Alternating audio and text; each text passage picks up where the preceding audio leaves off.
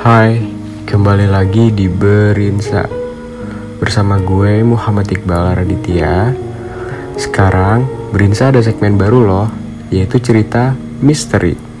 Cerita misteri yang bakal gue bacain kali ini adalah Berjudul Lonceng Gozesan Buat kalian yang gak berani dengerin Jangan dengerin sendirian ya.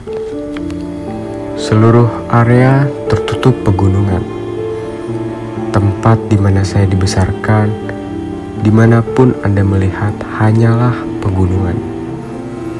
Ketika saya masih kecil, ada lonceng di kuil yang menjaga saya.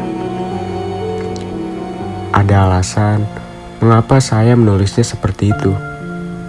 Karena itu terbuat dari kain dan tali yang diikat melingkar. Itu juga tidak memiliki lock biasa untuk membunyikan bel. Seiring bertambahnya usia dan mulai menonton anime seperti Ikkyu-san, saya menyadari bahwa benda yang tergantung di sudut atap kuil seharusnya adalah lonceng. Namun tidak ada yang pernah melihat bagian dalamnya. Saya ingat bertanya kepada orang tua saya tentang mengapa itu terlihat seperti itu ketika saya masih di sekolah dasar. Tetapi mereka juga tidak tahu mengapa. Dan ketika mereka masih kecil, mereka menyebutnya bel berliku. Tentu saja, mereka juga tidak melihat apa yang ada di dalamnya. Waktu berlalu, dan saya pindah dari rumah untuk memulai universitas. Saya kembali untuk liburan musim panas. Dan meskipun rumah keluarga kami berada di pedesaan, banyak hal mulai berkembang di dekatnya. Kamar lama saya telah berubah menjadi semacam lemari. Tetapi ketika saya melihat keluar jendela, pemandangan yang saya kenal telah berubah. Dan sekarang saya dapat melihat kuil dengan lonceng. Kuil itu berada di atas gunung. Tetapi dulu ada gunung yang lebih kecil dan belum berkembang depan jendela saya yang menghalangi pandangan di masa lalu. Ah, melihat gunung hilang mengingatkan saya bahwa tidak akan pernah bisa menangkap serangga di sana lagi. Tidak akan pernah bisa makan dari tanaman merambat coklat lagi. Itu membuatku sedih ketika aku menatap keluar jendela ke kuil. Kuil itu jauh di kejauhan, jadi hanya sebesar paku di ibu jariku. Pada waktu makan malam, saya menyebutkan bahwa sekarang setelah gunung belakang hilang, kami dapat melihat kuil. Mereka mengatakan bahwa tepat setelah saya berangkat ke universitas, kuil itu ditinggalkan. Dan sekarang seorang biksu datang dari kuil terdekat yang lebih besar hanya untuk upacara peringatan dan festival. Suatu malam, saya tidak bisa tidur. Bantalku terasa tidak enak Mungkin karena aku sudah terbiasa hidup sendiri. Tapi kemudian, tiba-tiba aku mendengar suara rendah dan dalam yang datang dari suatu tempat.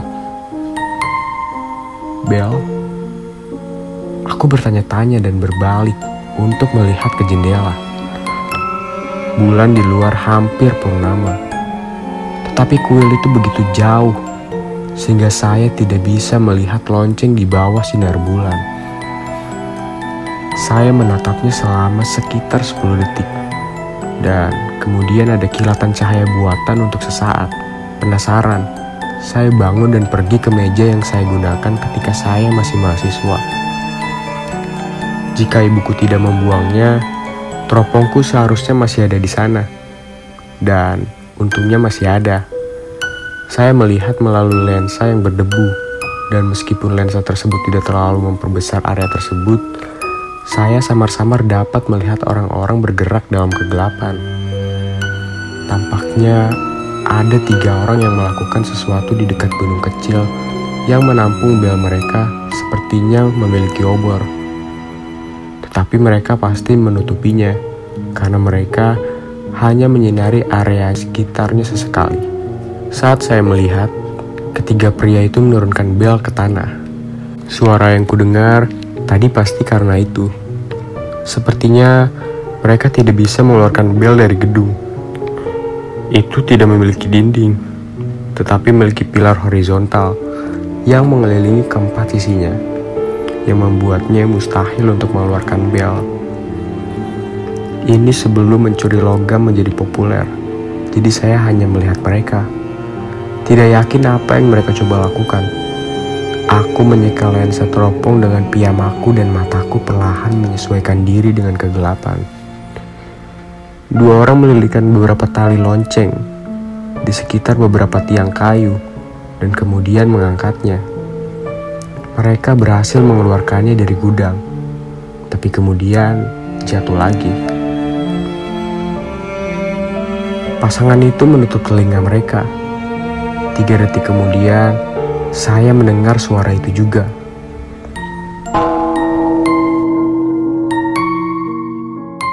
Burung-burung terbang dengan panik dan beberapa anjing menggonggong. Banyak lampu di daerahku itu juga dinyalakan. Ketika saya melihat kembali melalui teropong, orang-orang itu sudah pergi. Keesokan paginya, sebenarnya sudah mendekati waktu makan siang. Tetapi ketika saya bangun, ibu saya bertanya, apakah saya mendengar suara itu tadi malam? Saya tidak mau repot menjelaskan semua yang telah saya lihat. Jadi saya menjawab dengan samar-samar dan kemudian kembali ke kamar saya untuk melihat lagi melalui teropong.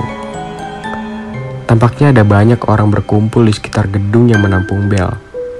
Jadi saya melompat ke sepeda untuk pergi dan memeriksanya sendiri. Mungkin ada yang menarik di sana. Ada sebuah van sewaan putih di dalam halaman kuil ketika saya sampai di sana. Lonceng telah jatuh dari tempatnya di dalam gudang ke tanah di bawah. Polisi tampaknya telah menyelesaikan penyelidikan mereka juga. Para penjahat telah meninggalkan mobil mereka dan pergi.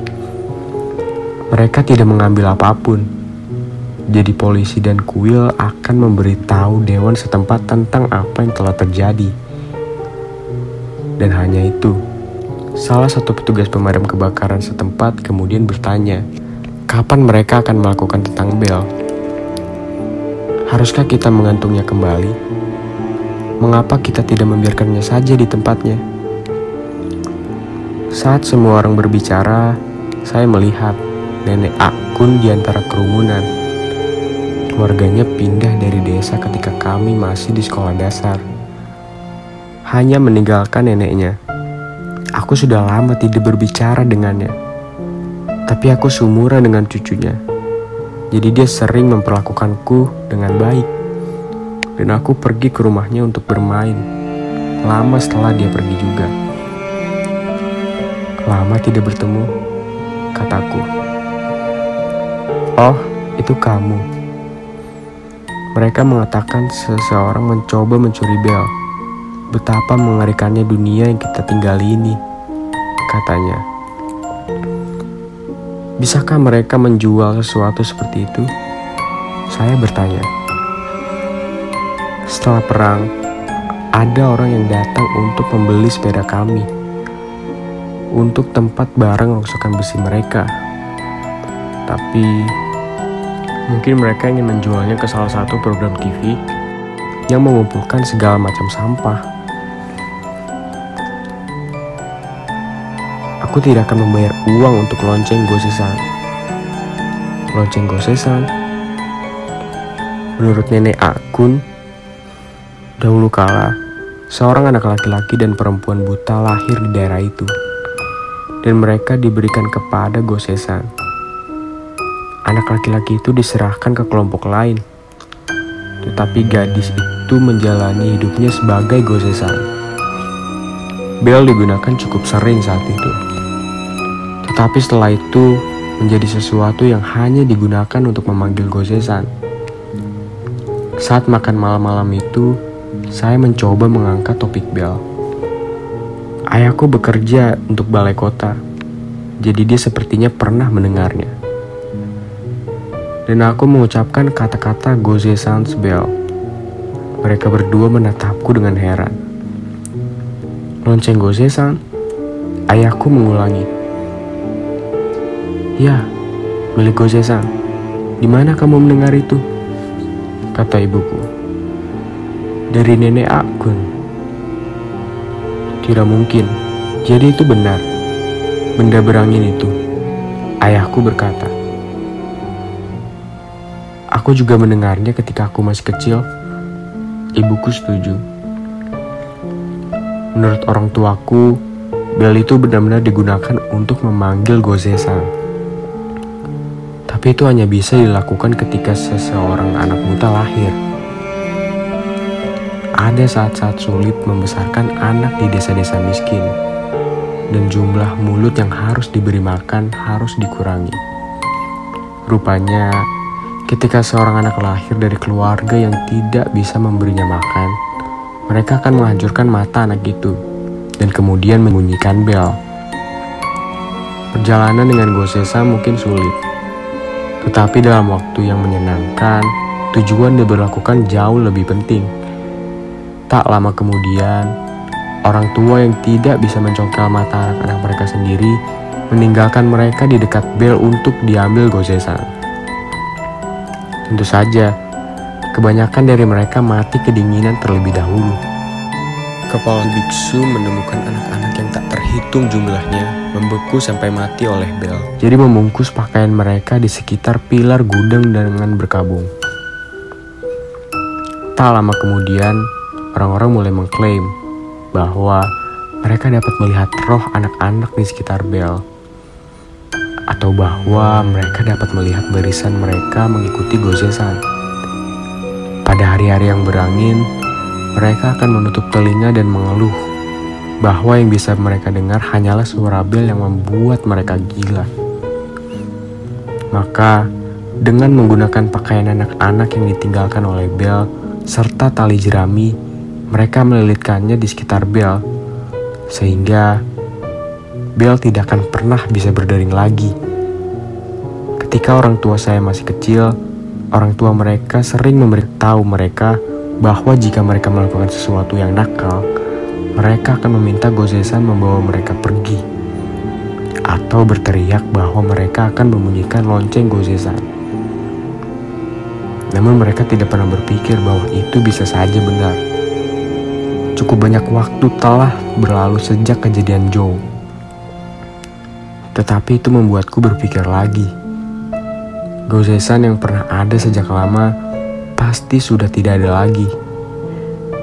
Meskipun mungkin ada orang yang mewariskan legenda itu. Gozesan yang asli sekarang telah tiada.